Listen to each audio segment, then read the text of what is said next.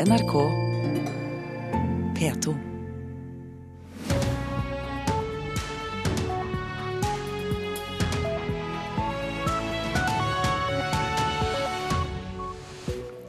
I formiddag får vi vite om Norges Bank gjør noe med styringsrenten.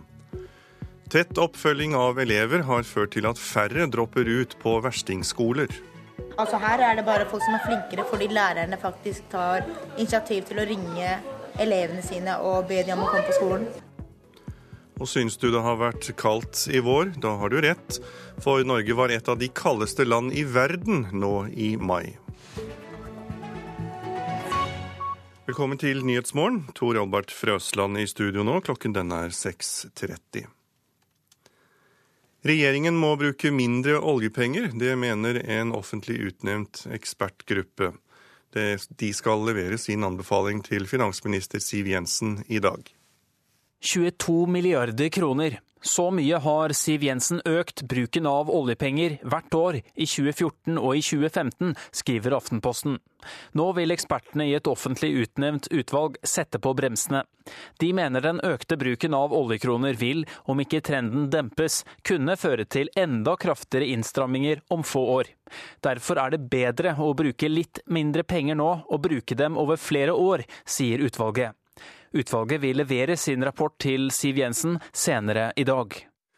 Det sa reporter Haldor Asvald. Og I formiddag får vi vite om Norges Bank gjør noe med styringsrenten, og mange ventes, venter at den settes ned til et rekordlavt nivå. For styringsrenten den er nå på 1,25% et nivå som har blitt stående på stedet hvil siden desember i fjor. Jeg har fått besøk av Christian Dreyer, administrerende direktør i Eiendom Norge. Velkommen skal du være. Hva, eller Hvilke forventninger har dere til møtet i dag? Ja, det vil overraske oss stort hvis ikke renta nå blir satt ned eh, på dagens møte. Sentralbanksjefen har de siste to møtene eh, argumentert for å holde renten uendret eh, grunnet en bekymring knyttet til gjeldsvekst hos norske husholdninger, og derav også høy, sterk boligprisvekst. Nå ser vi en helt annen moderasjon stort sett over hele landet i prisutviklingen. Eh, gjeldsveksten også eh, stagnerer og har en annen type trend. Eh, og, og, da ligger forholdene bedre til rette for å kunne sette ned renta. Er det mer edruelighet i markedet, er det sånn, sånn å forstå, siden du sier at gjeldsveksten stagnerer? Ja, Det norske boligmarkedet er veldig sammensatt. Jeg tror nok ikke verken de i Stavanger eller Oslo kjenner seg igjen i den beskrivelsen jeg kom med. I Oslo så er det nok fremdeles ganske press i markedet, mens i Stavanger så er det nok desto mer dystert. Og der kunne nok en rentenedsettelse vært velkommen ganske men, lenge. Men dreier det lave rentenivået vi har hatt i, i lang tid, det har fått i hvert fall litt av skylden for den kraftige veksten vi har sett i, i boligprisene. Er det ikke det da en ytterligere fare for at prisene skal gå opp hvis renten nå senkes? Jo, det er jo det, og det er derfor vi også har uttrykt eh, bekymring hvis renta skulle bli satt ned gjennom vinteren og vi har sett det presset i boligmarkedet. Og det er klart at det lave rentenivået er en viktig årsak til at vi har hatt den veksten i prisene vi har hatt de siste to-tre-fire to, to, årene. Og Hvis du titter litt eh, fremover, da, hvilken innvirkning tror du at denne utviklingen på boligmarkedet har å si for sentralbanksjef Øystein Olsen og hans kompani når de setter renten senere i dag? Det har en verdi, men nå tror jeg også det har en større verdi hvilke ringvirkninger den økende arbeidsledigheten har. og eh, nedkjølingen i norsk økonomi generelt. Så jeg tror nok at det vekter eh, mye tyngre denne, ved, ved, dette møtet enn det har gjort ved de forrige møtene. Men hvor viktig vil dere da si at renten som virkemiddel er til å styre boligprisutviklingen? Renten er svært viktig. Eh, det er ikke noe tvil om det at det gir en større handlekraft hos forbrukerne, og kjøpekraften blir større. Eh, men enda viktigere er arbeidsplassene til folk. Og nå ser vi at eh, vi får stadig flere overskrifter om, om permitteringer og oppsigelser, og det har en mye større ringvirkning både for boligmarkedet og for norsk økonomi. Takk skal du ha, Christian Dreyer, du er administrerende direktør i Eiendom Norge. Nå til det danske folketingsvalget, for Færøyene og Grønland kan komme til å spille en svært viktig rolle i valget i dag. Det er så jevnt mellom den røde og den blå blokken at ingen vil spå resultatet. De fire representantene fra Færøyene og Grønland kan komme i vippeposisjon, noe som vil føre til en svært spesiell parlamentarisk situasjon. Valgkampen ble avsluttet i går kveld med alle de ti partilederne i en direktesendt debatt på dansk TV 2 fra hovedbanegården i København. Et av temaene var barns oppvekstvilkår i den danske velferdsstaten i fremtiden. Den blå blokkens statsministerkandidat Lars Løkke Rasmussen snakket om sin opplevelse i en helt spesiell barnehage. Der er noen foreldre der ligger vægt på at børnene skal ud i den friske natur. Jeg har besøkt skovbørnehaver. Det er et, et, fantastisk sted, men det er da ikke alle foreldre der synes, det er et riktig tilbud til deres børn. Nå spørs det i hvilken grad velgerne på det isdekte Grønland og de trefattige Færøyene reagerer på innspillet om skogsbarnehage. Hvis de kommer i vippeposisjon, vil de være mer opptatt av nordområdene og arktisk. De vil kunne komme til å kreve eget departement, særrettigheter og spesialoppmerksomhet. Tradisjonelt sogner tre av de fire nordatlantiske mandatene til Den røde blokk, men nå tror mange at dersom de kommer i vippeposisjon, at de vil selge seg dyrt til høystbydende. Direktøren i meningsmålingsinstituttet Megafon sier det er 75% sikkert at de nordatlantiske representantene vil få denne helt spesielle muligheten. Av de 179 mandatene kan det se ut til at de blå får 88 representanter og de røde 87, mens 90 er flertall. Med et slikt utgangspunkt blir det en spennende dag for Færøyene og Grønland, og for hele Danmark. Det sa reporter i Danmark Joar Hoel Larsen. Og mer om det danske valget i Nyhetsmorgen etter klokken sju, bl.a. med vår politiske kommentator Lars Nehru Sand direkte med fra København. Al Qaida-opprørere har omringet en landsby på Golanhøydene, der det bor 25 000 drusere. Dette er en religiøs minoritet. Syriske regjeringsstyrker holder foreløpig stand inne i landsbyen Hader, men minst 14 regjeringssoldater og ti opprørere er drept i kamphandlinger de siste dagene. Israelske myndigheter frykter opprørerne skal ta kontroll over Golanhøydene og følger situasjonen nøye. FARC-geriljaen i Colombia har sabotert og sprengt landets nest største oljerørledning. Oljen lekker nå ut i to elver, og det er omfattende skader. De siste ukene har den venstreorienterte geriljaen gjennomført en rekke angrep mot tankbiler, oljerørledninger og elektrisitetsnettet. Her hjemme har tettere oppfølging av elever ført til at færre slutter på såkalte verstingskoler. Stovner videregående skole i Oslo øst tar først og fremst imot elever som ikke kommer inn ved andre skoler. Til tross for dette er det lavere sykefravær og færre som slutter enn ved andre videregående skoler. Vi er veldig stolt av å se nå på den siste elevtellingen vi hadde nå, eh, at eh, dette året så er det syv elever som har droppet ut av skolen. Det vil si om lag 1 altså langt under det som er vanlig sier assisterende rektor Tonje Røseth. Men det jobbes aktivt med mange flere som er i stor fare for å falle fra. De siste årene har Stovner videregående skole systematisert elevoppfølging for å hindre frafall. Det merker elevene. Altså Her er det bare folk som er flinkere fordi lærerne faktisk tar initiativ til å ringe elevene sine og be dem om å komme på skolen. Ja. Lærerne bryr seg egentlig veldig om elevene. Vi er altså på Oslos østkant, på en av hovedstadens minst populære skoler. Ni av ti elever er minoritetsspråklige. Skolen har et ufortjent dårlig rykte, mener elevene Rachel Abreha og Shatana Maturaselan. Altså mange utlendinger. Det er liksom mange som sier at mange som bruker dop her, mange som eh, slår hverandre, og mange som også, men det er ikke slik. Stovner er en bra skole. og det er liksom, det er som I andre skoler folk dømmer deg pga. at du ikke har merkeklær, du har ikke sånn merkejakke. Men her i Stovner du kan gå med hva du vil. Du kan komme med pysjen din. Det at vi har den utfordringen, da er det utrolig viktig at skolen har et godt Altså en veldig god organisering rundt dette med elevoppfølging. Sier Røseth, som har ansvaret for å koordinere elevoppfølginga. Mange sliter med problemer på hjemmebane. Derfor har de et prøveprosjekt med Nav-kontakt til stede på skolen for å hindre at elever dropper ut. Sånn at øh, Hvis disse Nav-veilederne da kan komme fort på banen og hjelpe de med praktiske ting, så slipper de da å f.eks. slutte på skolen for å få et sted å bo. Sånn som de måtte før. At vi liksom samarbeider tverrfaglig her på skolen da, med livet utenfor skolen. Det, det, er veldig viktig, tror vi da. På landsbasis er det én av tre som ikke fullfører og består videregående skole innen fem år, ifølge gjennomføringsbarometeret som Utdanningsdirektoratet står bak. Også ved Bergen maritime skole har frafallsprosenten gått markert ned etter at de begynte å følge elevene tettere opp. På de fleste skolene øker sykefraværet i andre og tredje klasse. På Stovner er det motsatt, forteller assisterende rektor Tonje Røseth. Det vil si at elevene blir flinkere og flinkere til å komme på skolen. og det, det syns vi er veldig morsomt. Reporter var Linda Reinholdsen. Det såkalte flyktningkaoset rundt Syria-flyktningene er på forsiden av Dagbladet. Arbeiderpartileder Jonas Gahr Støre langer ut mot Siv Jensen og ber Jensen rydde opp og enten ta ansvar for den regjeringsmakten partiet har fått, eller holde seg utenfor. Og Fremskrittspartiet vil gi en ny milliard til Syria for å hjelpe flyktninger. Det forteller Finansavisen. Dette kan Syria få dersom vi dropper å ta imot 8000 ekstra syrere. Bøndene taper på renteberegning, for bøndene har langt høyere rente på lånene enn det som legges til grunn i jordbruksoppgjøret, skriver Nasjonen. Bondetopper ber om opprydding.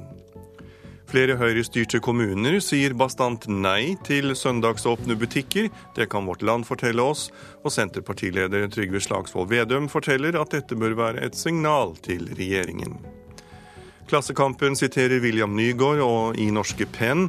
Den tidligere forlagssjefen sier at Edward Snowden er en test på hvor uavhengig Norge er som nasjon, og han krever at regjeringen engasjerer seg, slik at Snowden kan komme til Norge for å motta Bjørnsonprisen. Fortetting av villastrøk i Oslo er tema på Dagens Næringslivs forside.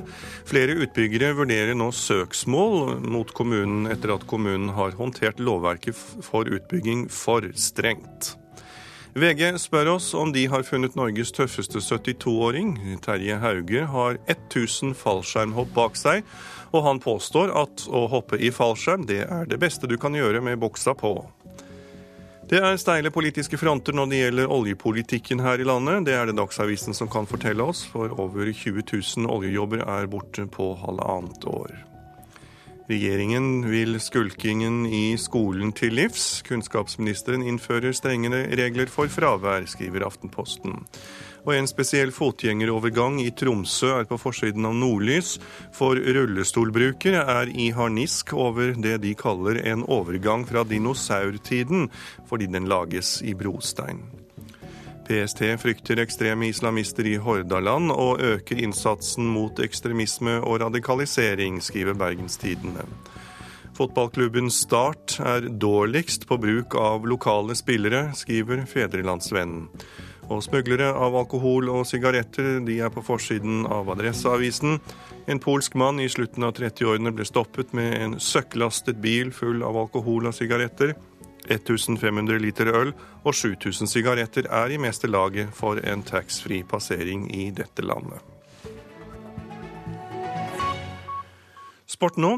England blir de norske fotballkvinnenes motstander i åttedelsfinalen i VM. Det ble klart etter at de engelske kvinnene tok andreplassen i gruppen med seier over Colombia. Landslagssjef Even Pellerud har fått det som han ønsker. Nei, det er et lag vi for så vidt regna med hele veien det skulle bli, og som vi mener vi kan slå.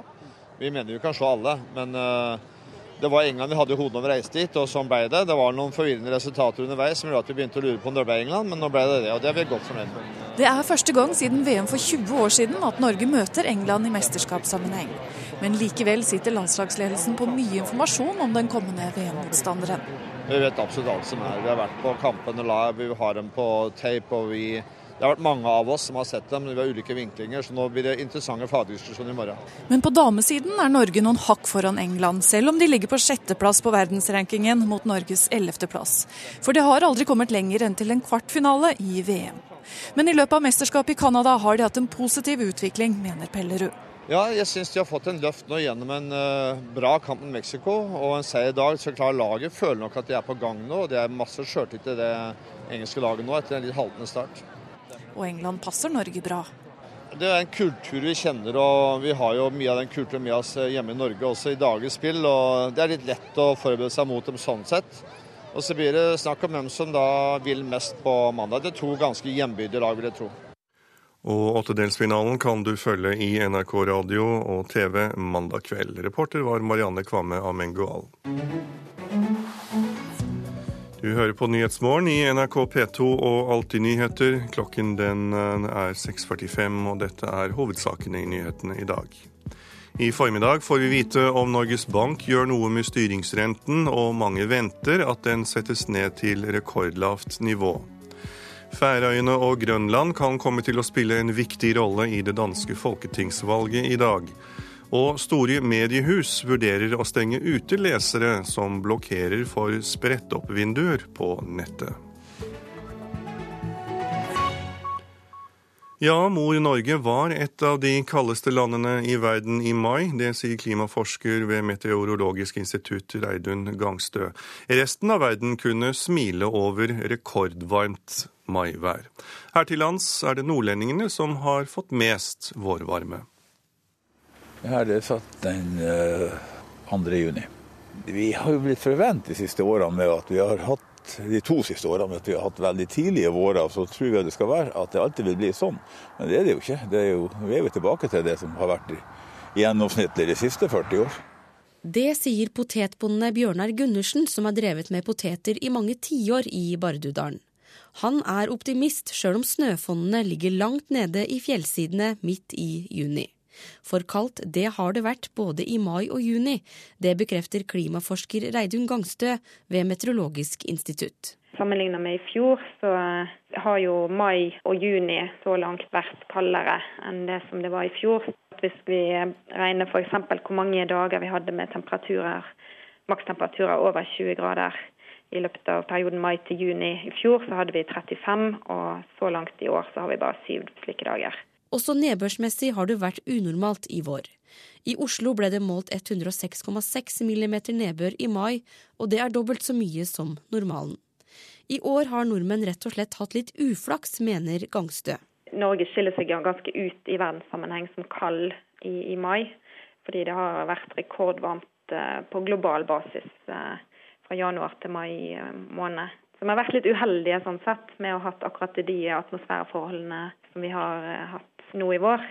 Fordelene finner vi i fjellet, det mener Martin Andersen fra Lillehammer. Han har vært i Jotunheimen denne uka og forteller at snøforholdene nå er bedre enn de var ved påsketider helt perfekt. Eh, Starta topptursesongen i september i fjor. Eh, så nå har øynene et eh, håp om å få gå toppturer hver måned gjennom hele året. Så for meg så er det helt topp. Ja, aldri så gærent at ikke det er godt for noe. Reporter var Hanne Stine Kind. Programmer som blokkerer annonser og reklame på nett, er blitt populært blant mange nordmenn. Ifølge TNS Gallup har 16% av befolkningen nå lastet ned et slikt program. Nå vurderer flere store mediehus å blokkere dem som blokkerer reklame. Det er klart De gir oss utfordringer fordi journalistikken vår er finansiert gjennom reklame. Kommersiell direktør Christian Haneborg i VG liker ikke utviklinga med at stadig flere skaffer seg program som blokkerer annonser på nett. Det er her vi kommer fra. En gang var det her ute alt skjedde. Programmene fungerer slik at alle annonser og reklamefilmer blir fjerna. Dermed kan brukerne lese artikler og se video uten at reklamen dukker opp. Dette vil de store mediehusene sette en stopper for.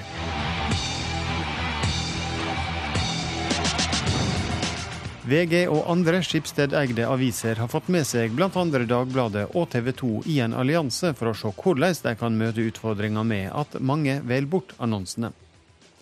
Et tiltak kan være å stenge ute de som blokkerer reklame, sier Haneborg. Og Noen av de tiltakene som er diskutert i denne prosjektgruppen, uten at det er konkludert med, er øh, å blokkere innholdet øh, for de som også blokkerer annonsene. Mediebransjenettstaden Kampanje skriver at mediehus som Egmont, Amedia og Dagens Næringsliv ikke er med i gruppa som nå ser på tiltak. Men redaktør Bård Espen Hansen i TV 2.no sier det er viktig at bransjen står samla. Det handler om at eh, skal det ha en effekt, så må de kommersielle mediene stå sammen. Eh, man kan ikke ta denne runden én og én. Man må stå sammen for at det skal ha en effekt, eh, og forhåpentligvis få folk til å fjerne annonseblokkererne for å få det gode innholdet som vi alle lager. Han frykter innhold skal forsvinne. Eh, konsekvensen av at folk ikke ønsker å betale for innhold, vil jo til syvende og sist være at innholdet forsvinner. I tillegg til å vurdere blokkering av de som blokkerer reklame, drøfter mediehusene også andre, mer langsiktige tiltak. Det kan bety mer bruk av betaling for at mediehusene skal bli mindre avhengige av annonseinntekter, sier Kristian Haneborg i VG. Framover så kommer du til å se at flere av de fremgangsrike mediehusene kommer til å ha noe inntekter fra brukerbetaling og noe inntekter fra annonser. I dag så er det en stor overvekt mot annonser. Reportere det var Eirin Venås Sivertsen. Petter Sommer og Espen Alnes. Nå skal vi til Hongkong, for der har parlamentarikerne sagt nei til en omstridt valgreform. Kina hadde lovet demokratiske valg i byen innen 2017, men foreslo så en reform der alle kandidater måtte bli godkjent av myndighetene i Beijing. Asia-korrespondent Peter Spaar med oss direkte fra Hongkong. Hva skjedde under avstemningen? Det var 28 åtte eh, parlamentarikere som stemte mot denne reformpakken. Én parlamentariker mer enn ventet. Det er jo en gruppe på 27 som har formet den såkalte pandemokratiske gruppen, som lenge har lovet å legge ned veto mot denne reformen under behandlingen i Legislative Council. Dette resultatet betyr at eh, alle disse stemte slik de hadde lovet på forhånd. Eh, det var også om lag 30 regjeringsvennlige parlamentarikere som forlot salen et minutt før avstemningen. De visste at de kom til å tape. og presidenten Representanten i salen, også fra et Beijing-vennlig parti, brukte heller ikke sin stemme under avstemningen. Hvilke konsekvenser får dette resultatet? Det betyr på kort sikt en stor glede og en følelse av seier for pandemokratene, for studentene og for de mange eh, demokratitilhengerne og demonstrantene som har eh, protestert her i Hongkong nå i eh, bortimot ti måneder. Men det betyr også at eh, Hongkong nå ikke vil få noe demokrati i det hele tatt i de neste årene. Ved valget i 2017 vil regjeringssjefen nå bli utpekt av en komité på 1200 medlemmer, der Hongkongs finansielle elite sitter. Eh, det vil altså ikke bli noe valg på kandidater i det hele tatt, slik dette reformforslaget la opp til, selv om Beijing skulle forhåndsgodkjenne kandidatene. Og Det betyr også at eh, de direktevalgte setene i parlamentet heller eh, ikke vil bli eh, direktevalgt i de neste valgene, fordi det fortsatte valget på, direktevalget på parlamentarikere også hang sammen med at denne reformen gikk igjennom. Så Dette betyr at Hongkong nå i fem eller enda ti år fremover ikke kommer til å ha noe demokrati i det hele tatt. Det som blir spennende spennende nå, er jo å se hvordan, eh, hvilken strategi Pandemokratene vil legge opp eh, for å kjempe mot dette. De vil nå kreve at eh, hele den politiske konsultasjonsprosessen skal rykke tilbake til start, og at man skal starte en helt ny dialog om en ny politisk reform for Hongkong. Det kommer jo Beijing ikke til å godta, og spørsmålet er hvor det ender. Som du nevnte, Peter, så har det vært demonstrert både for og imot dette forslaget. Hva øh, vil demonstrantene nå gjøre? Ja, nå er jo de som har uh, kampert utenfor, uh, utenfor uh, den lovgivende forsamlingen her i sentrum, veldig glade, mens de som er tilhengere av Beijing og har vært tilhengere av dette reformforslaget, naturlig nok er veldig skuffet. Dette er jo et spørsmål som har delt Hongkong på midten, hvor det på meningsmålingene de siste ukene faktisk har vært et lite flertall her i byen for dette reformforslaget. Dette har jo også også mye å gjøre med forholdet mellom Hongkong og fastlandskina. Og det er ingen tvil om at eh, det at denne, eh, dette reformforslaget nå blir nedstemt, også kommer til å forsure og, og gjøre det forholdet vanskeligere. Takk skal du ha, Peter Svaar, direkte med oss fra Hongkong. Nå om tre nordmenn som har laget den første musikalen om Sankt Valentin, helgenen bak valentinerdagen. Nå settes musikalen, som er skrevet av tre lærere fra Grimstad, opp i Italia. Altså En hel verden går jo rundt og kjøper roser og lager valentinkort og alt mulig. Sier NRKs selverklærte musikalnerd Andreas Diesen. Og Hvis det da plutselig skulle komme en musical som er spennende og har bra musikk, om grunnen til at vi alle har gjort dette tåpelige lille gestet i alle år, så tror jeg at dette her kunne både gå i London og i New York. Så dette er det mest kommersielle prosjektet jeg har hørt av norske musikere noen gang. Ja, det er jo noen utkast til de første melodiene som de ble skrevet. Og... Det er jo morsomt og spennende, og eh, jeg føler jo også at vi kan være litt stolt. Sier tekstforfatter Odd Grotheim. For at de i hele tatt eh, har fattet interesse for denne, denne musikalen. Det er ikke hver dag det settes opp en norsk musikal på et annet lands originalspråk. 3. juli skjer det i den italienske byen Terni en time utenfor Roma.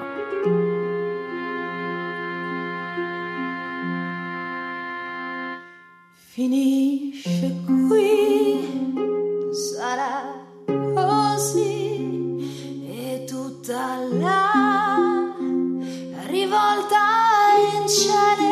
130 sangere, dansere og skuespillere står på scenen i det romerske amfiteatret i byen hvor Sankt Valentin er begravd, for å framføre musikalen Valentines Secret, i sin helhet skrevet og komponert av tre lærerkolleger fra Grimstad. Så Iallfall alle meldinger som jeg får nå, for nå er det billettsalg, at, eh, at det snakkes mye om det i byen. Sier en spent Arve Konnestad, som har komponert musikken sammen med Peter Halltorp. Nessuno al mondo mai Musikalen er basert på mytene rundt Sankt Valentin, helgenen bak valentinsdagen, og hans kjærlighet til blinde Julia. Og historien har truffet italienerne, sier tekstforfatter Odd Grotheim. Det er jo selvfølgelig en historie som, som ligger din nært, da, i og med at eh, denne Valentin er derfra. Så Sånn sett passer det jo veldig godt. Og de visste jo like lite egentlig om dette her som eh, alle andre. Så de er jo imponert over at det kommer folk fra Norge og liksom forteller sannheten, som de sier, om denne Valentin. Reporter var Miriam Grov. Fjell i Sør-Norge skal vi høre hvordan været blir der. Bris mellom nordvest og nordøst, frisk bris sør i Langfjella, enkelte regnbyger, sludd og snø på de høyeste toppene. Østlandet får nordlig bris, i ettermiddag forbigående skiftende bris på kysten. For det meste skyet, men noen solgløtt. Regnbyger i ettermiddag, kan hende med torden vest for Mjøsa og Oslofjorden. Telemark får nordvest bris, i ettermiddag forbigående skiftende bris på kysten. Skiftende skydekke. Regnbyger vesentlig i ettermiddag og kan hende med torden. Agder vest og nordvest bris, på kysten vest for Oksøy liten kuling. I formiddag økning til stiv kuling vest for Lindesnes. Skiftende skydekke, enkelte regnbyger. Rogaland nordvest frisk bris utsatte steder. Liten og periodevis stiv kuling på kysten i sør. Skyet, litt regn og yr. I ettermiddag regnbyger, i kveld stort sett oppholdsvær. Hordaland vestlig bris, skyet, litt regn og yr. Fra i ettermiddag nordvest bris, regnbyger. I kveld stort sett oppholdsvær. Sogn og Fjordane får sørvest bris, i ettermiddag deiende nordvest. Skyet, litt regn og yr, lokal tåke. I kveld avtagende nedbørsaktivitet. Møre og Romsdal får sørvest bris, fra i ettermiddag vestlig bris. Skyet perioder med regn, utrygt for tåke på kysten, og i kveld avtagende nedbørsaktivitet. Trøndelag får bris av skiftende retning, skyet, perioder med regn og yr, og fra i ettermiddag delvis skyet og enkelte regnbyger i nord. I kveld lettere vær også i sør. Nordland får nordøstlig bris, fra i formiddag frisk bris på kysten. For det meste pent vær, med en mulighet for ettermiddagsbyger i indre strøk. Troms nordøstlig bris, for det meste oppholdsvær og litt sol, med en mulighet for ettermiddagsbyger i indre strøk. Finnmark får skiftende bris, først på dagen nordvestlig frisk bris i øst. Enkelte regnbyger, vesentlig i indre strøk siste del av dagen, og i kveld kan hende torden i øst. Nordensjøland på Spitsbergen får nordvestlig bris, stort sett oppholdsvær. Og på Spitsbergen blir det nordvestlig bris på kysten i vest, av og til frisk bris. Litt sludd eller snø i nord, ellers stort sett oppholdsvær. Morgentemperaturen er målt klokken fem. Svalbard lufthavn fem grader. Kirkenes seks. Vardø og Alta sju. Tromsø-Langnes seks. Bodø ti. Brønnøysund elleve. Trondheim-Værnes ni. Molde ti. Bergen-Flesland 9, Stavanger og Kristiansand-Kjevik 10, Gardermoen og Lillehammer 8, Røros 6 og Blindern i Oslo hadde 10 grader klokken 5. Og her i Nyhetsmorgen så skal vi fortsette med at eh, gjør det vanskeligere å parkere på jobben, for da lar eh, folk bilen stå. Det er det forskere som har kommet frem til. Og I dag er det altså da, som vi hørte i Dagsnytt ventet, at styringsrenten kuttes her i landet, og det til tidenes laveste nivå. Og I Danmark så er dagen kommet i dag. Da blir det klart hvem som skal styre landet, etter at velgerne har sagt sitt i folketingsvalget. Fjern parkeringsplassene på arbeidsplassen, eller ta betalt for dem. Så vil flere la bilen stå i hjemmet. Det er budskapet i en ny rapport. Gratis parkering får flere enn nødvendig til å kjøre bil. Det sier trafikkforsker Ingunn Oppheim Ellis. De som har gratis parkering hos arbeidsgiver, og som har lett for å få satt fra seg bilen, de reiser i mye større grad med bil. Urbanett Analyse har på oppdrag fra Samferdselsdepartementet og transportetatene undersøkt hva parkeringsplasser betyr for bilkjøring i byområdene. Mens med en gang du enten må betale eller du må bruke litt tid på å lete etter en plass, så er kollektivandelen mye høyere.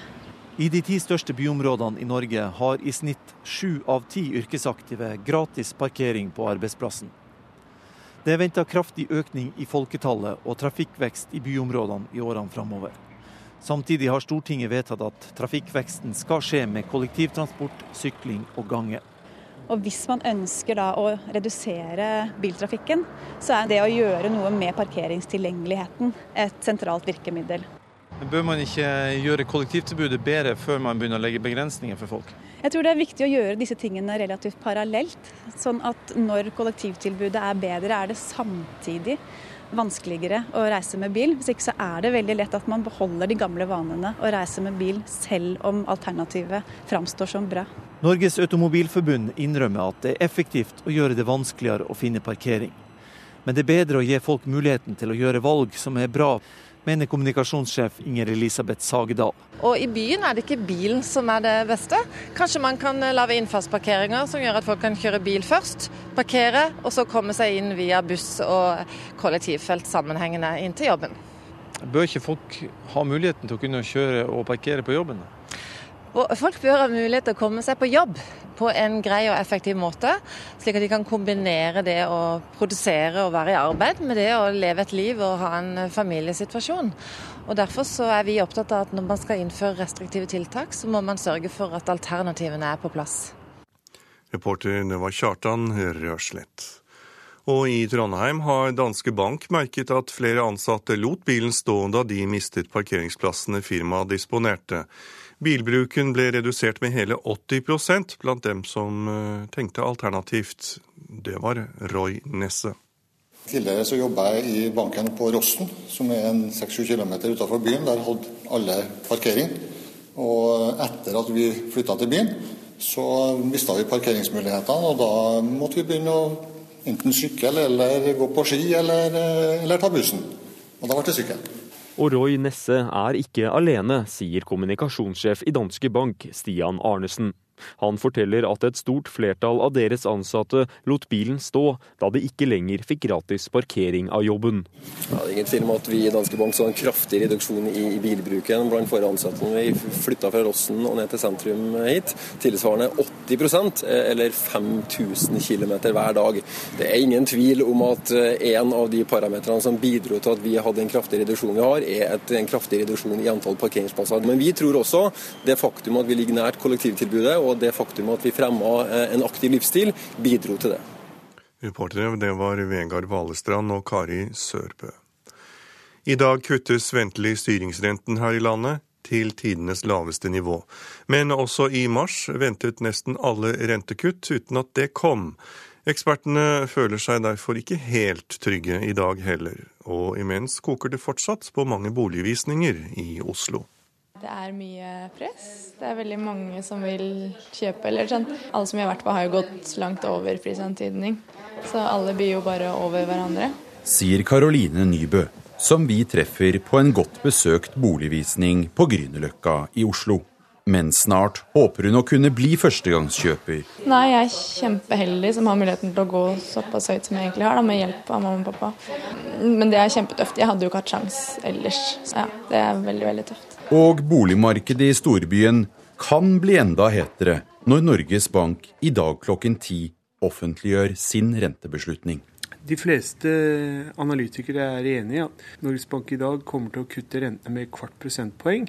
Vi tror det kommer et rentekutt. Vi tror ikke Norges Bank kommer utenom et rentekutt denne gangen. Sier sjeføkonomene Jan Andreassen i Eika-gruppen og Kari Due Andresen i Handelsbanken. Kredittveksten har utvikla seg svakere enn de venta, og det har også boligprisveksten. Så Sånn sett så skulle ikke det hensynet bidra til å hindre et rentekutt. Og Når da arbeidsledigheten har steget raskere enn ventet, og inflasjonen er svakere og lønnsvekstutsiktene er svakere, så mener vi det helt klart taler for et rentekutt, og også da en økt sannsynlighet for at vi får et kutt til innen desember. Men selv om nesten alle eksperter tror styringsrenten i dag kuttes til tidenes laveste nivå på 1,0 tør de færreste være helt sikre. Det skyldes særlig minnene fra rentemøtet i mars, da Norges Bank overrasket mange og sjokkerte noen ved å la renten ligge i ro.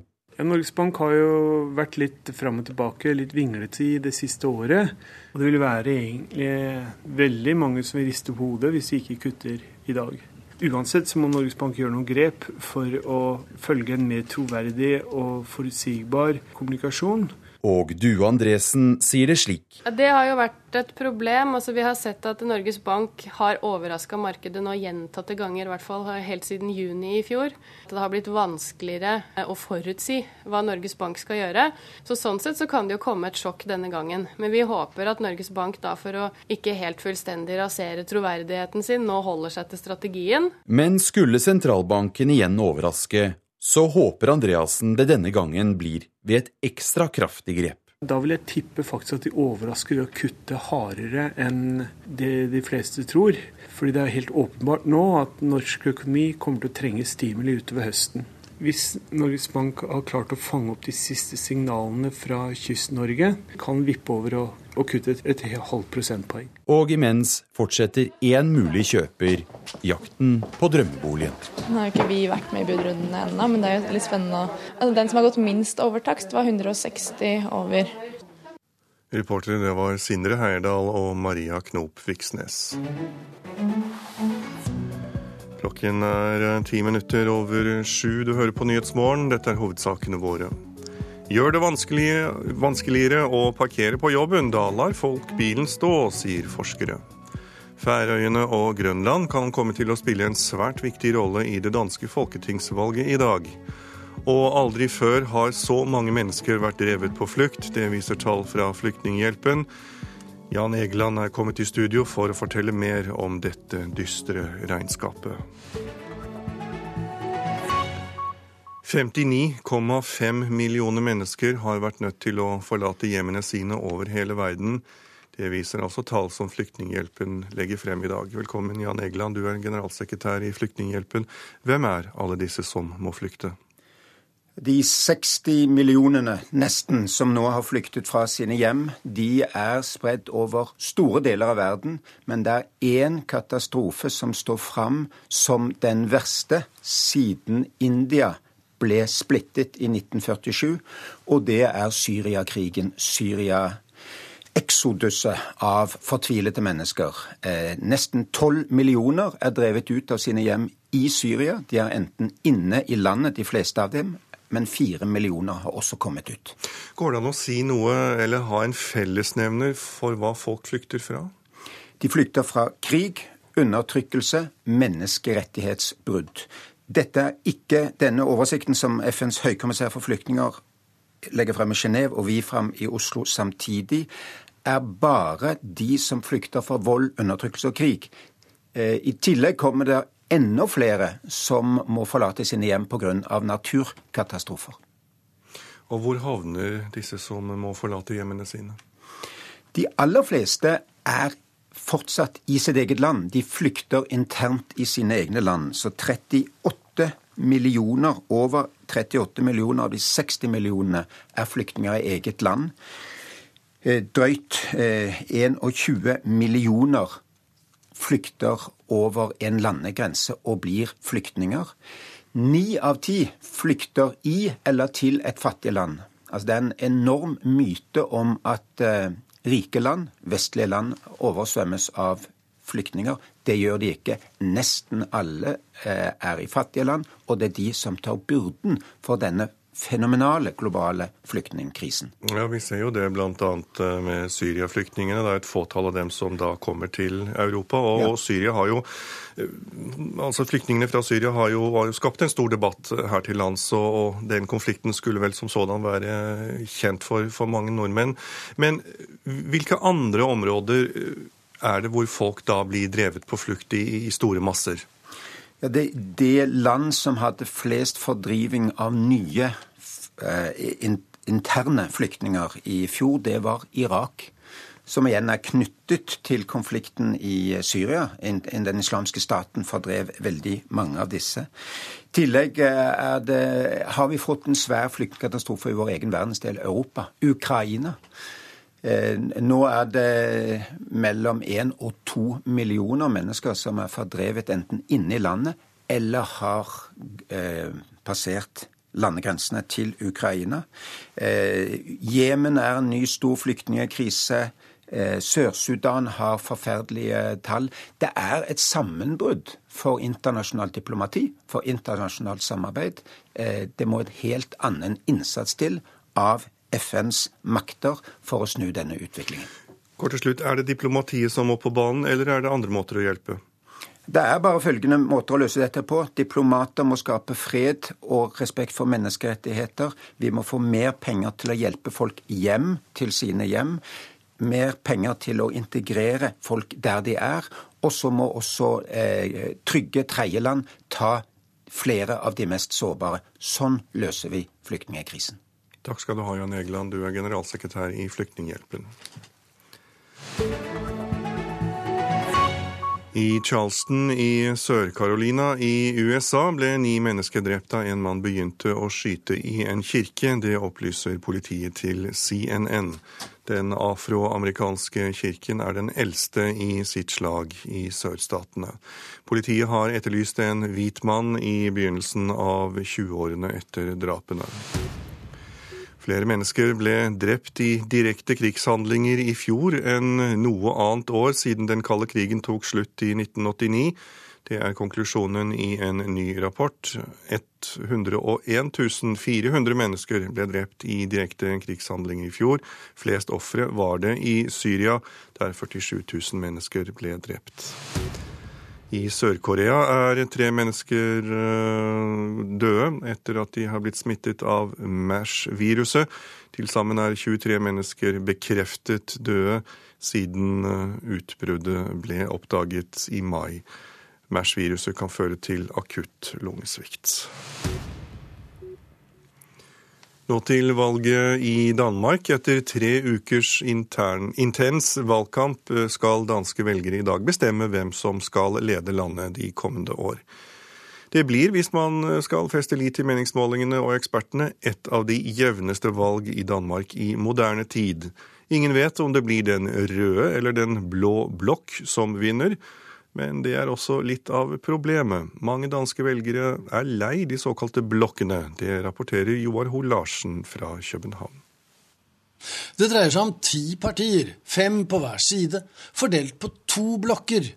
Der de to hovedpersonene, den sosialdemokratiske statsminister Helle Thorning-Smith og tidligere statsminister, den konservative Lars Løkke Rasmussen, spiller hovedrollene, mens de andre åtte partilederne havner i skyggen.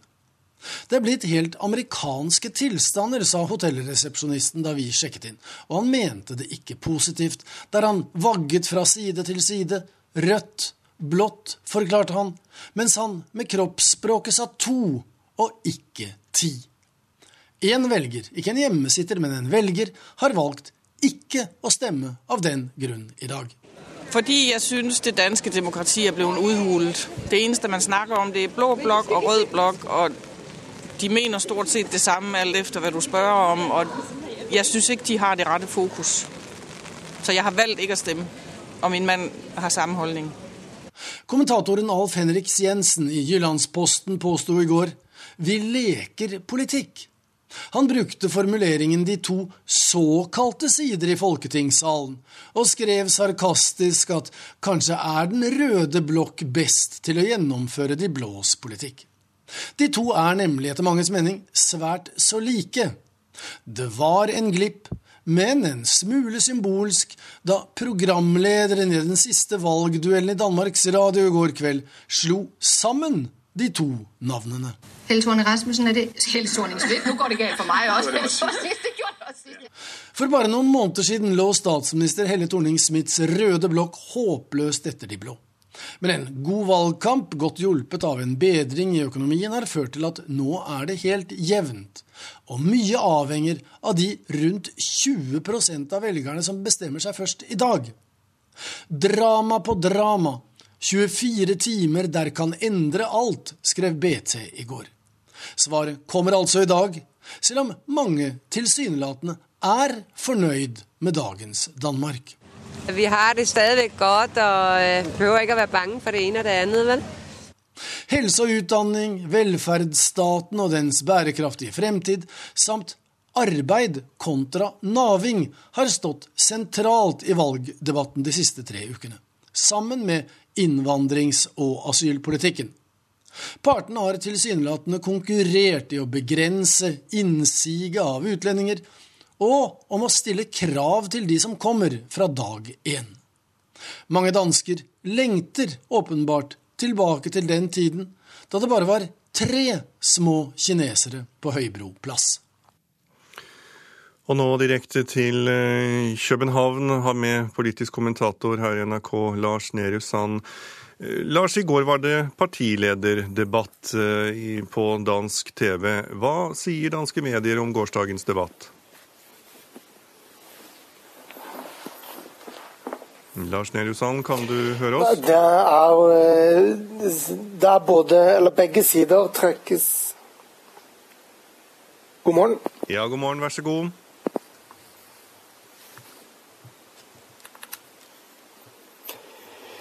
Ja, det er eh, Begge de to statsministerkandidatene trekkes frem som vinnere i noe ulike aviser. Eh, uansett så oppsummerer de fleste med at Helle Thorning-Smith har ført en veldig eh, aktiv og aggressiv valgkamp, som kanskje ser ut til å ha bedret hennes eh, image totalt sett i velgermassen. Men også i gårsdagens to siste TV-sendte oppgjør, ett med bare de to og, og eh, ett med alle ti partilederne, så var det også da en, en, hard tone. Og det er tydelig at også for politikerne etter tre uker så står mye på spill.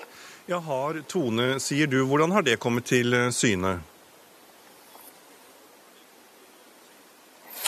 Ja, I går forlot eh, først eh, Lars Løkke Rasmussen i den ene debatten, og i den andre Helle Thorning-Smith sine plasser i panelet på TV. Gikk over til motstanderen og forlangte svar på politiske utfordringer.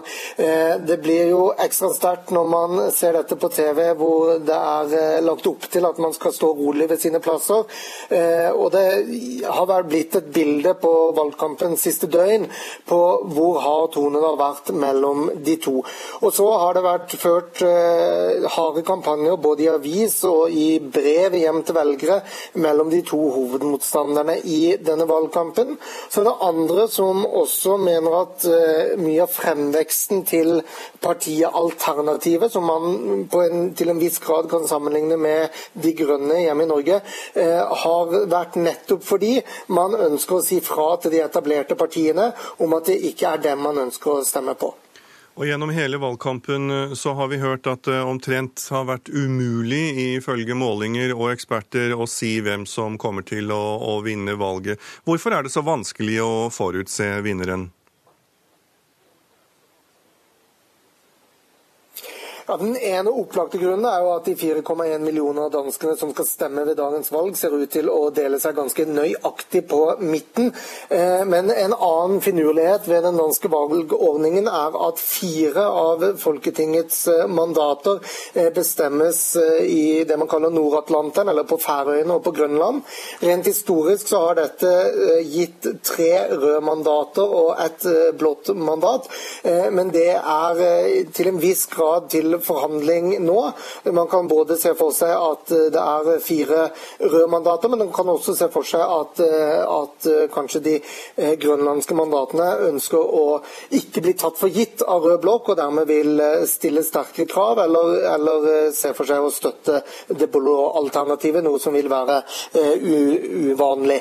Men de fleste tror nå at det vil nær sagt ramle på plass, og at, at det da blir 3-1 i favør de røde. Og da er jo spørsmålet om man fra eh, nærmest dansk side da, klarer å ha en så god ledelse for de blå partiene at man klarer å dra i land en seier også etter at disse fire siste mandatene er eh, fordelt. Takk, Lars Nehru Sand, for med oss fra København. Du følger med på dette gjennom dagen. Det såkalte flyktningkaoset rundt Syria-flyktningene det er på førstesiden av Dagbladet. Arbeiderpartileder Jonas Gahr Støre langer ut mot Siv Jensen og ber henne rydde opp og enten ta ansvar for den regjeringsmakten partiet har fått, eller holde seg utenfor. Og Fremskrittspartiet vil gi en ny milliard til Syria for å hjelpe flyktninger. Det forteller Finansavisen. Dette kan Syria få dersom vi dropper å ta imot 8000 ekstra syrere. Bøndene taper på renteberegning, for bøndene har langt høyere rente på lånene enn det som legges til grunn i jordbruksoppgjøret, skriver Nasjonen. Bondetopper ber om opprydding. Flere høyrestyrte kommuner sier bastant nei takk til søndagsåpne butikker. Det kan Vårt Land fortelle oss. Og Senterpartileder Trygve Slagsvold Vedum sier at dette bør være et signal til regjeringen. Klassekampen siterer William Nygaard i Norske Penn. Den tidligere forlagssjefen sier at Edward Snowden er en test på hvor uavhengig Norge er som nasjon, og han krever at regjeringen engasjerer seg, slik at Snowden kan komme til Norge for å motta Bjørnsonprisen. Fortetting av villastrøk i Oslo er et tema på dagens næringslivs forside. Flere utbyggere vurderer søksmål etter at kommunen har håndtert lovverket for utbygging for strengt. VG spør om de har funnet Norges tøffeste 72-åring. Terje Hauger har 1000 fallskjermhopp bak seg, og han påstår at å hoppe i fallskjerm det er det beste du kan gjøre med buksa på. Det er steile politiske fronter når det gjelder oljepolitikken her i landet, forteller Dagsavisen oss. Over 20 000 oljejobber er borte på halvannet år. Og regjeringen vil skulking i skolen til livs. Unnskyld, kunnskapsministeren innfører strengere regler for fravær. Det skriver Aftenposten. Dundrende livemusikk, gjørme og pils i plastkrus, det står for tur når årets festivalsommer braker løs. Men pass nå på så at det ikke braker for høyt for lenge, for festivalsommeren kan skade hørselen.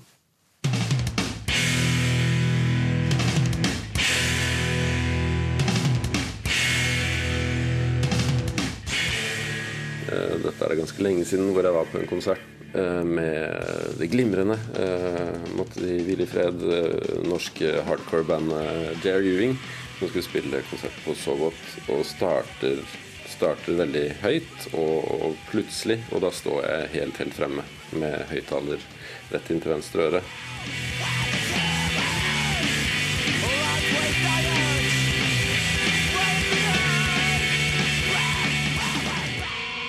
Og da kjente jeg at det skjedde noe som ikke var behagelig i øret. Og siden den gang, når jeg er på konserter eh, og står på en måte som, som, gjør at jeg får høy lyd på det øret, så, så kjenner jeg ikke smerte, men ubehag i det øret. Det forteller Ruben Gran, programleder for Ruben på P3. Han har vært på utallige konserter og festivaler i sitt liv. Men akkurat konserten med JR Ewing blir han stadig minnet på når lyden er for høy idet man kjenner noe som man ikke pleier å kjenne i et øre, så, så føler man seg veldig jeg vet ikke, sårbar. Og sårbar er man. IKT-forsker og akustiker Trond Vedul Tronstad hos Sintef var på både Øya og HV-festivalen i fjor. Der gjorde han hørselsmålinger på festivaldeltakere både før og etter konsertene hver eneste dag. Det vi fant ut, at eh, hørselen får seg jo en solid trøkk av å ha vært på en uh, musikkfull full, uh, festivaldag, men at en stort sett klarer å hente seg igjen uh, til dagen etterpå. Men at det også var noen av personene som, der det kunne se ut som at hørselen ikke klarte å hente seg igjen helt. Og at man da, Hvis man hadde fortsatt med det der over lang tid, så ville de nok mest sannsynlig ha fått en permanent skade. Og lurer du på hvordan en permanent skade på hørselen kan høres ut? Følg med nå.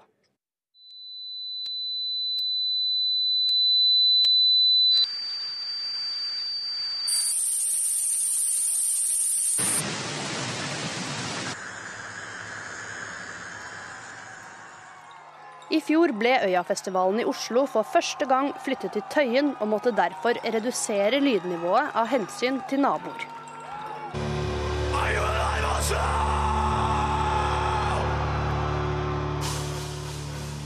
Sintef-forsker Trond Vedul Tronstad mener det burde innføres slike restriksjoner på lydnivået på alle festivaler i Norge. Vi vet jo for så vidt eh, godt at sånn type lydnivå som man får på konserter, så det er skadelig. Det er ikke noe tvil. Og Det er derfor man får midlertidige skader eller propper, nei, dotter i ørene. Altså, det, er jo, et tegn fra kroppen om at eh, nå er det for høyt. Prøv å beskytte seg så godt den kan, men hvis du fortsetter en sånn eksponering over lang tid, så vil du få en skade. Jeg, jeg har ikke tall på hvor mange ganger jeg har opplevd å komme hjem eller legge meg etter en konsert, og idet stillheten senker seg, så kjenner jeg at det suser veldig. Det har takk og lov gitt seg hver morgen. Men det er ikke alle som har vært like heldige. Det sier P3s Ruben Gran. Jeg vet om ganske mange som har tinnitus eller lignende uh, hele tiden som rett og slett har, er skada for alltid, da, sannsynligvis. Reporteren det var Kaja Staude Michaelsen.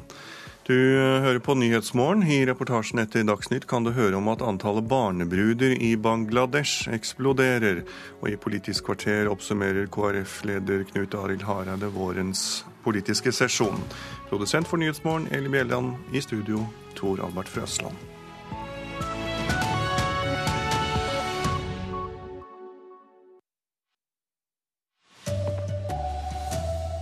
Ni drepne i kirke i USA. Politiet sier drapene var rasistisk motiverte. Fjern parkeringsplassene på jobbene til folk. Da blir det mindre bilkjøring, syner rapport. Og Hongkong sier nei til omstridt valreform fra Beijing. Her er NRK Dagsnytt klokka 7.30. I Charleston i Sør-Carolina i USA ble ni mennesker drepne da en mann begynte å skyte i en kirke. Det stadfester politiet, som har etterlyst en hvit mann i begynnelsen av 20-åra etter drapet. Politisjefen i Charleston kaller det hatkriminalitet, og utenriksmedarbeider Anette Groth, hvorfor blir det kalla det? Drapene skjedde i en eh, kjent afroamerikansk kirke, mens drapsmannen var en ung, hvit mann. Jeg går ut fra at det er utgangspunktet til politisjefen når han kaller dette rasistiske drap. Det samme sier for øvrig ordføreren i Charleston. Hva mer kan du si om det som skjedde? Den unge hvite mannen kom til kirken klokken ni lokaltid om kvelden, klokken tre norsk tid i natt. Det foregikk da bibelstudier i denne kirken, som er den eldste afroamerikanske kirken i sitt slag i sørstatene. Denne mannen skal ha skutt vilt rundt seg, og øyenvitner på stedet sier at det så helt forferdelig ut etter skytingen. Politiet har nå bekreftet at ni mennesker ble drept. Flere skal ha blitt skadet. Og når det gjelder gjerningsmannen, en hvit mann i 20-årene altså, så jakter politiet på ham uten at han foreløpig er blitt tatt. Takk skal du ha, utenriksmedarbeider Anette Groth. Fjern parkeringsplassene på jobben, eller ta betalt for dem. Da vil flere la bilen stå hjemme. Det er budskapen i en ny rapport. Gratis parkering får flere enn nødsynt til å kjøre bil, sier trafikkforsker Ingunn Oppheim Ellis. De som har gratis parkering hos arbeidsgiver, og som har lett for å få satt fra seg bilen, de reiser i mye større grad med bil. Urbanett Analyse har på oppdrag fra Samferdselsdepartementet og transportetatene undersøkt hva parkeringsplasser betyr for bilkjøring i byområdene. Mens med en gang du enten må betale eller du må bruke litt tid på å lete etter en plass, så er kollektivandelen mye høyere. I de ti største byområdene i Norge har i snitt sju av ti yrkesaktive gratis parkering på arbeidsplassen.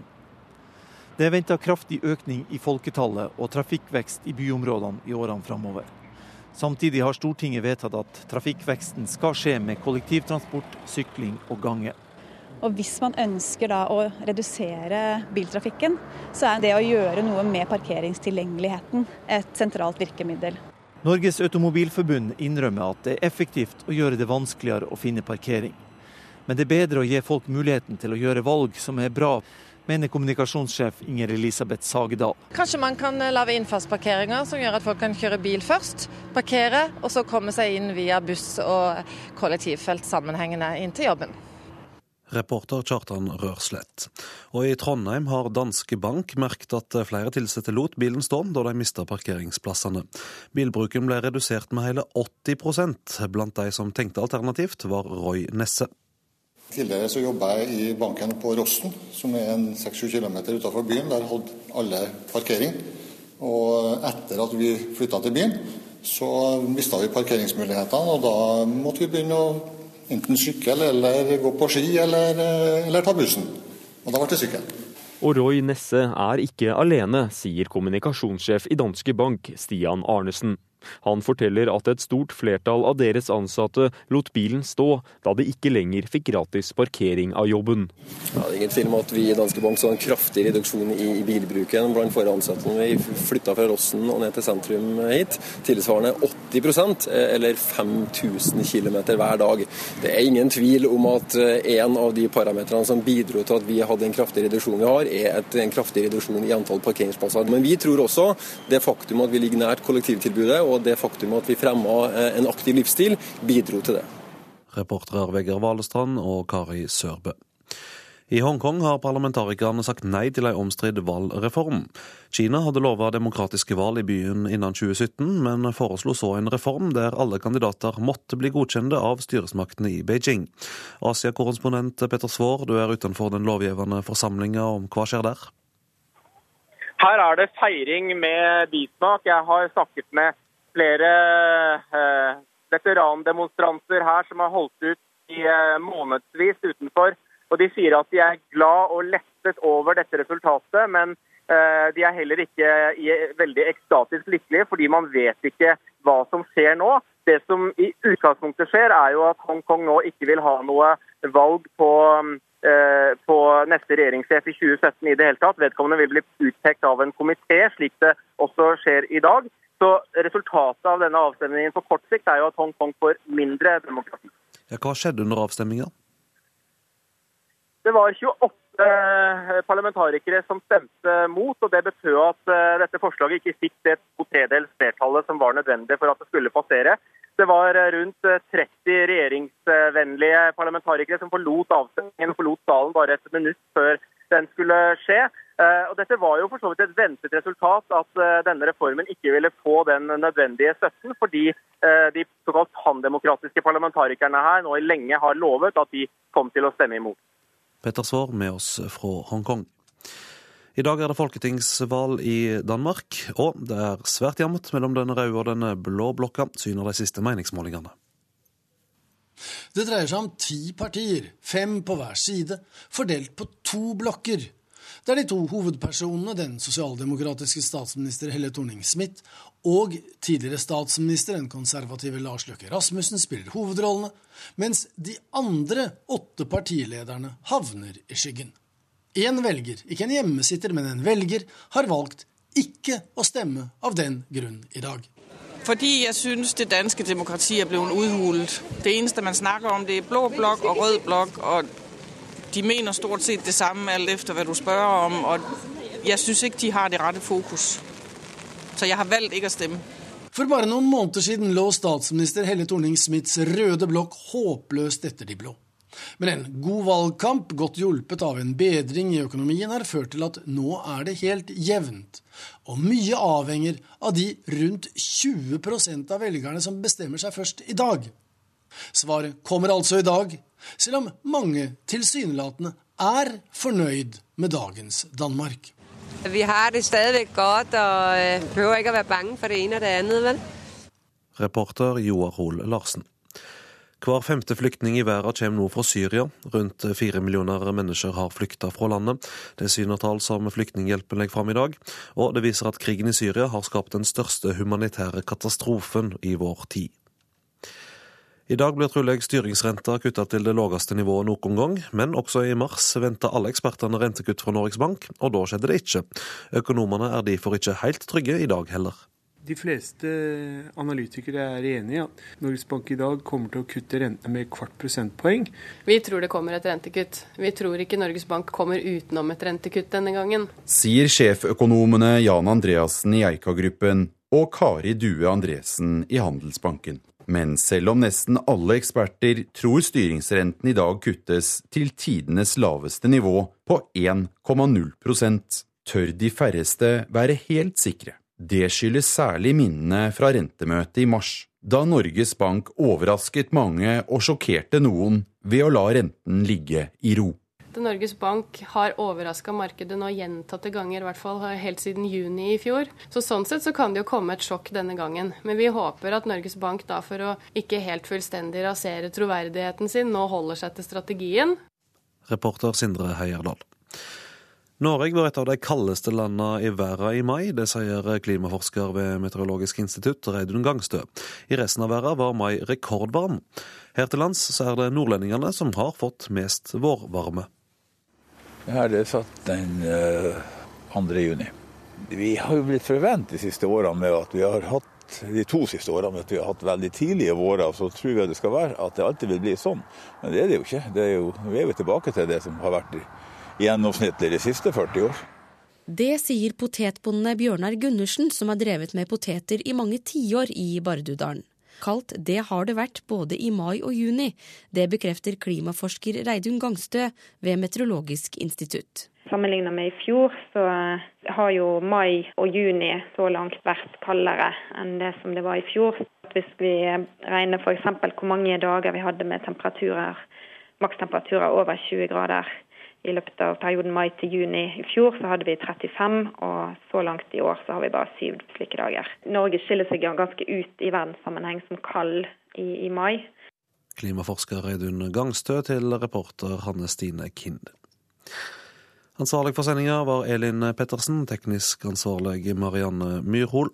Her i studio, Vidar Eidhammer.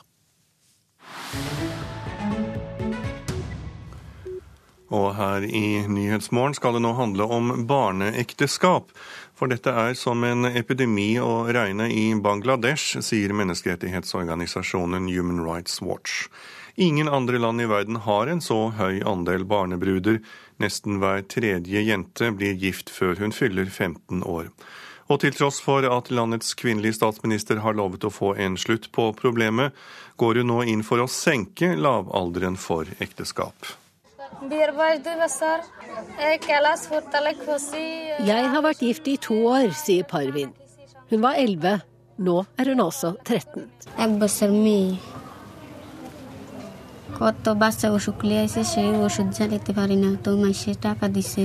Sharmin har en datter på ett år.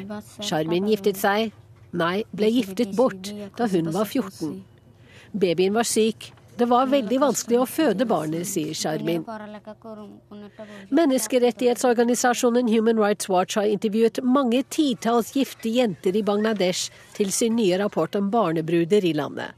De yngste er bare ti år gamle. Én av 50 bangladeshiske jenter giftes bort før de fyller 11. Og det skjer til tross for at barneekteskap har vært forbudt i Bangladesh i snart 100 år. Uh, Rektor Ahmed Misanor Rahman har mistet tre av sine elever i år. De ble tatt ut av skolen og giftet bort av sine foreldre.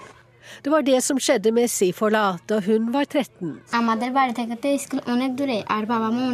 Vi bodde langt fra skolen, og foreldrene mine var veldig fattige. Så i stedet for å fortsette med min utdannelse, ble jeg giftet bort. Jeg gråt mye og spurte min mor hvorfor gifter dere meg bort så tidlig? Et betimelig spørsmål med flere svar. Den perfekte stormen som skapes av kombinasjonen av ekstrem fattigdom og stadig nye naturkatastrofer som gjør folk enda fattigere, er beskrivelsen Human Rights Watch bruker. Manglende utdanning, sosialt press og medgift er andre faktorer. For den er lavere jo yngre bruden er.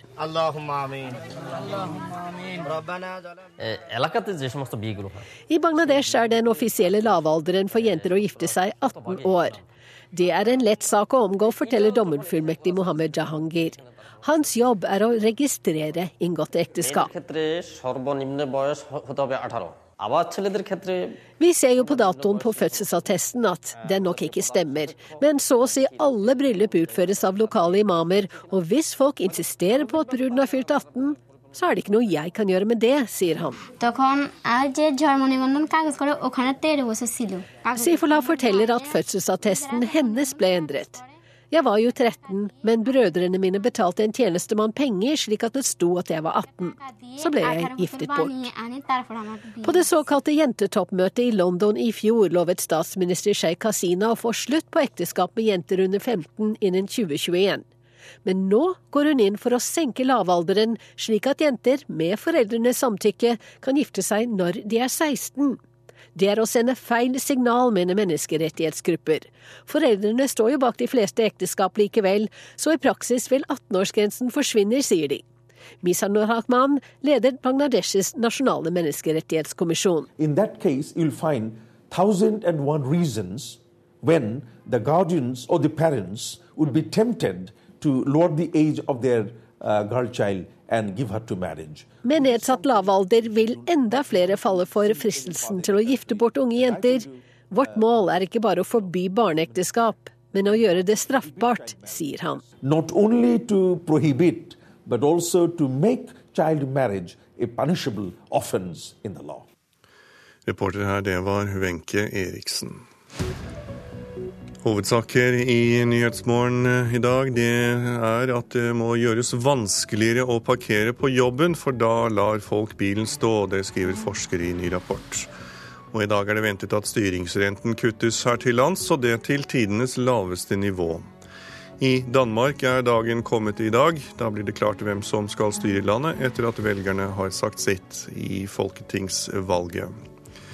Og Straks blir det Politisk kvarter, der KrF-leder Knut Arild Hareide oppsummerer vårens politiske sesjon til programleder Bjørn Myklebust.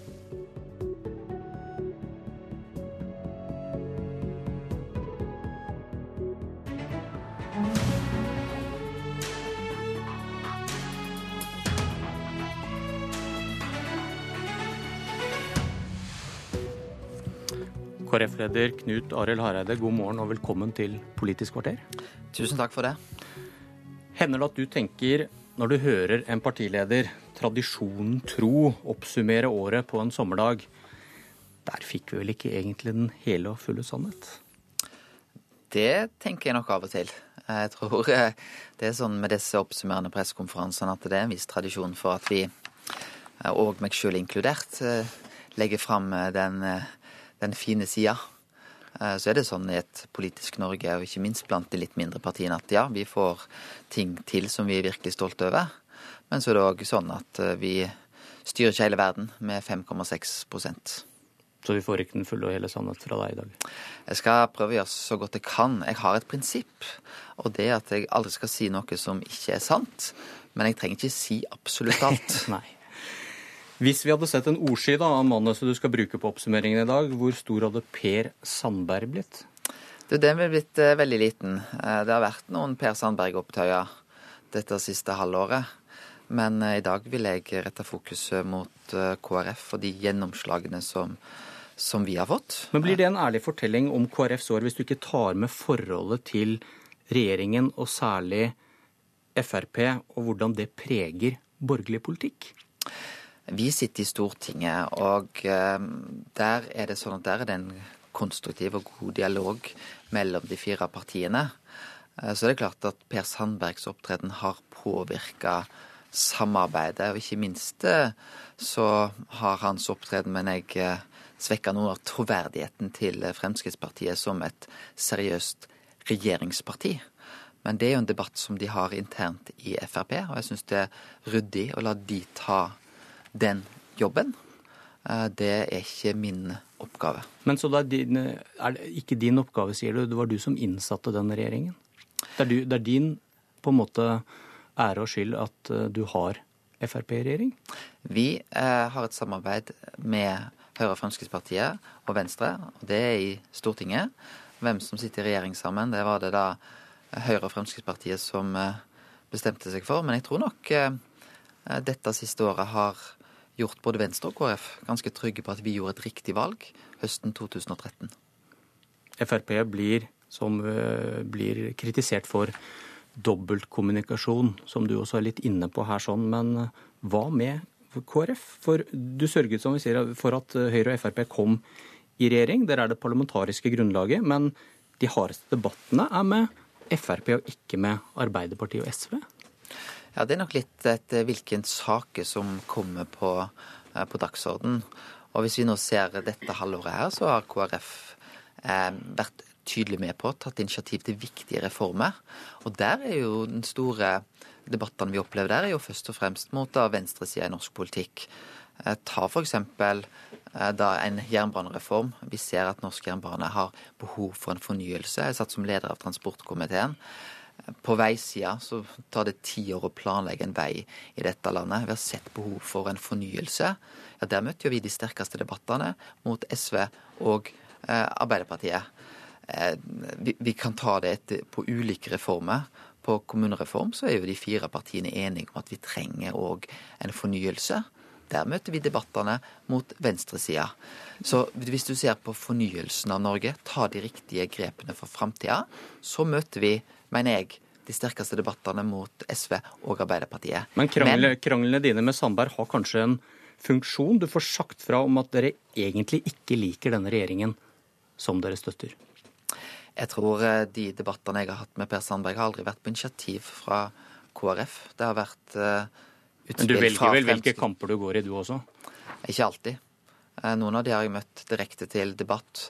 Eh, og da syns jeg det er riktig å gi et tydelig svar på hvor vi står.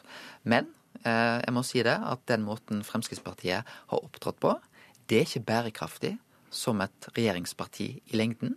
Du er enig med Støre, som hadde den analysen i går? Men det er en debatt som Fremskrittspartiet nå er i gang med. Partiledelsen i Fremskrittspartiet har jo sagt at de tar den debatten. Men du kan ikke si at du skal gå ut av regjering eh, på, på sak etter sak, eh, sånn som Fremskrittspartiet har vurdert denne våren.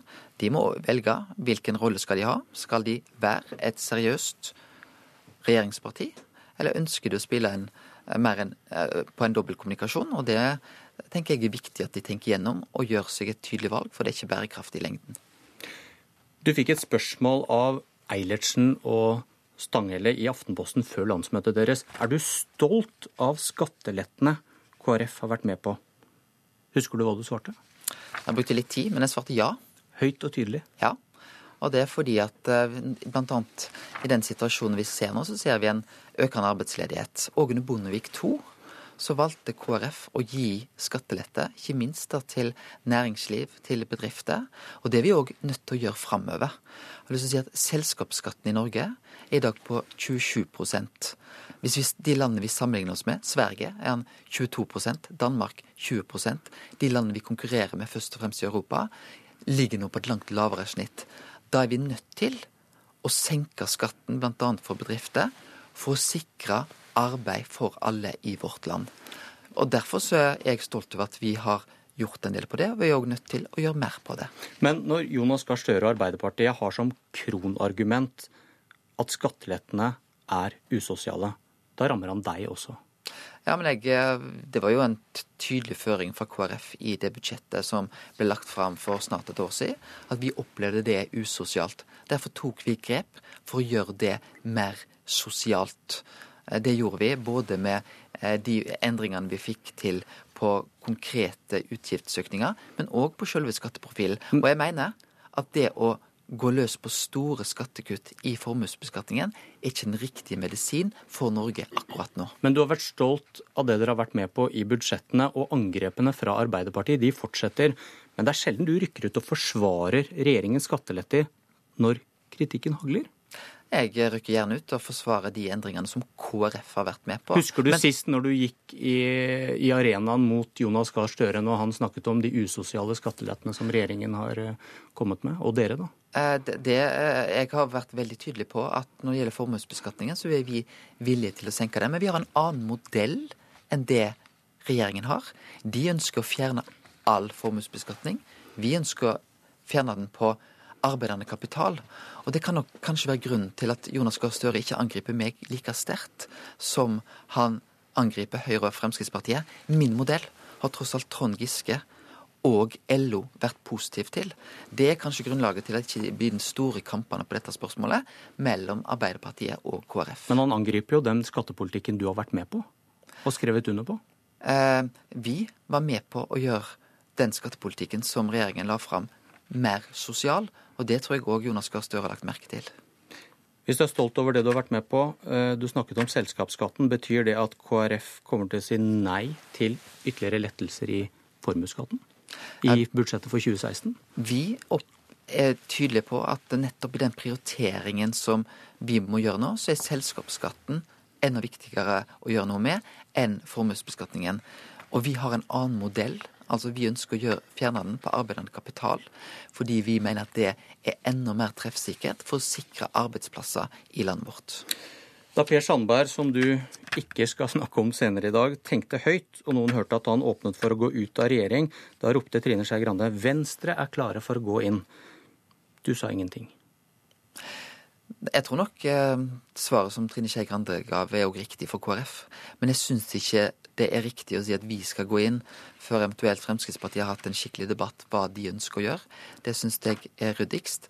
Men jeg ser ikke for meg en firpartiregjering med de fire partiene nå. Derfor så syns jeg la Frp få lov til å ta sin debatt. Det har partiledelsen i Frp sagt at de skal gjøre. Og så får vi eventuelt av, eh, se på det spørsmålet når de har konkludert. Knut Arild Hareide, god sommer. Takk for det. Berit Aalborg, samfunnsredaktør i Avisa Vårt Land, velkommen. Takk. Hvordan syns du Hareide og KrF støtter opp om det borgerlige prosjektet? Jeg syns det er veldig tydelig at det er et tvisyn i KrF. Ehm, for det er jo ikke bare et borgerlig prosjekt eh, de er med å støtte, det er et blå-blått prosjekt. Eh, og selv om de har hatt en rekke avtaler med regjeringa, så er det en ganske lav entusiasme i KrF om å støtte et, et prosjekt som er så tydelig blått. Og det, det synes. Og, og, det har jo kommet eh, Den sittende regjeringa før de gikk på, så, så ønska de en slags frihetsprosjekt, hvor det har vært en rekke liberaliseringer som de har ønsket. Eh, søndagsåpent, liberalisering i forhold til alkohol, flere sånne ting som jeg nok tror er krevende for KrF. Og, og, og det er nok grunnen til at f.eks. Fremskrittspartiet også også kanskje opplever at KrF ikke er så støttende på det prosjektet som de ønsker å fremme. Ja, Hvordan vurderer du dette forholdet mellom KrF og Frp nå? Ja, det er eh, åpenbart eh, ganske dårlig, og det hørte vi jo på Hareide nettopp her. Og jeg, jeg, tenker at hvis man ser på koalisjoner som har vært i Norge senere år, så syns jeg kanskje dette er eh, liksom det dårligste forholdet. Altså de to partiene imellom har vært noe av det dårligste vi har sett i koalisjoner på mange år. Nå vil kanskje ikke Hareide si at han er i koalisjon med, med Frp, men de støtter nå tross alt regjeringa. Men så... hva, hva, tenker du om det han, det han sier her, at han ber de om å rydde opp og støtter langt på vei Støres analyse fra i går at Frp er et splittet parti? Ja, jeg syns det er ganske mm, altså sånn, dette, Det er på en måte et bilde på hva slags forhold KrF har hatt i Fremskrittspartiet, og egentlig har hatt hele tida. Uh, og jeg, ja, jeg syns at det er et jeg, jeg tror heller ikke at det er et levedyktig forhold over tid, det forholdet de to partiene har mellom seg nå. Per Sandberg, Knut Arild Hareide har etter hvert blitt uh, en kjent krangel i norsk politikk. Har det en felles interesse av å krangle? Ja, på en måte så har de jo det. Og jeg tror det, det, dette egentlig handler om er at i krangel med hverandre så kommer disse to partiene ganske tydelig frem. De er motpoler i en rekke saker. Nå har det vært flyktning- og asylpolitikken som har vært kanskje det aller største eller viktigste kranglepunktet mellom partiene. Men ser du på områder som alkoholpolitikk, aktiv dødshjelp, så er disse to partiene de står mot hverandre og trer tydelig fram. Fordi de er i, på en, på, en type verdipolitikk, så er de motpoler i norsk politikk rett og slett. Hvordan vurderer du da forholdet mellom KrF og Arbeiderpartiet? Ja, jeg vurderer det vel bedre enn det det har vært på veldig lang tid. Ehm, Og det, Jeg var jo også på landsmøtet, som da Knut Arild Hareide ikke var sjøl. Men der var det jo en slags entusiasme, og det var mange som snakka veldig pent om, om, Arbeiderpartiet. Og jeg tror også det har mye med å gjøre med Jonas Gahr Støre og Hadia Tajik, som er politikere som, som, som eh, kanskje har vist en større åpenhet for saker som KrF er opptatt av. Så jeg opplever at, at det er en entusiasme for, eh, større entusiasme for, eh, for Arbeiderpartiet og KrF nå. Takk, Berit Aalborg.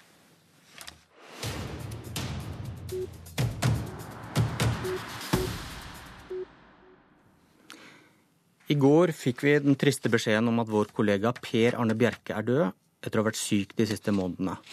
Han pleide å sitte her som programleder i Politisk kvarter og har fått svar fra politikere gjennom fire tiår. Per Arne startet i NRK i 1980, og vi minnes ham med noen tilbakeblikk. Hvorfor er SV norgesmester i selvfisking? Nei, det kan du si. Og statsminister Kåre Willoch, ser du nå noen annen utgang på denne saken enn regjeringskrise? Det ser ikke slik ut. Stoltenberg, er det egentlig slik at, eh, at vi har full sysselsetting fordi at eh, veldig mange går på Nav? Nei, det er det ikke. Litt over klokka tre i natt kom tre fornøyde partiledere ut fra møterommet i Stortinget. Statsministerkandidat Jan P. Syse nøyde seg med å fastslå at partiene har avklart hovedpunktene i regjeringsprogrammet som eh, vi da vil eh, gå til våre grupper med i morgen. Hvor mye juling tåler egentlig, Liv Signe Navarsete?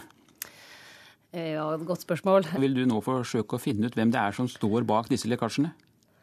Det må være en målsetting å røyke ut den eller de som står bak det. Diskuterte du denne saken i det hele tatt med Treholt før du kom med ditt utspill? Nei. Når får vi se Kjell Magne Bondevik danse rock i Oslo sentrum, slik Carl I. Hagen gjorde? Nei, Det tror jeg ikke dere får. Eh. Ja, Her fra Stortinget skal vi overføre et historisk møte. Jan P. Syses trepartiregjering er kommet til veis ende etter ett år ved makten. Nå kommer de, som vi hører, de blir møtt med jubelrop av folk her. Det er stor stemning Flaggene viftes med flagg, det viftes med blomster. Her ser jeg Jan Tore Sanner, vår nye kommunalminister. Siv Jensen, vår nye finansminister, kommer gående ut her. Og selvfølgelig statsministeren selv, Erna Solberg, i en dyp lilla kjole. Ja, Men eh, tror du Høyre kommer til å godta Senterpartiets standpunkt? Det var det jeg spurte om. Det var det du spurte om, ja. Ja, nei, jeg vil ikke tro noe om det. Ja, Hvorfor gjør det bedre, det store? Får ikke ordet noen mer av dere, for nå er sendingen slutt. Jeg heter Per Arne Bjerke. Og Per Arne Bjerke hadde sin siste sending 1.10 i fjor. Politisk kvarter i dag var ved Bjørn Myklebust.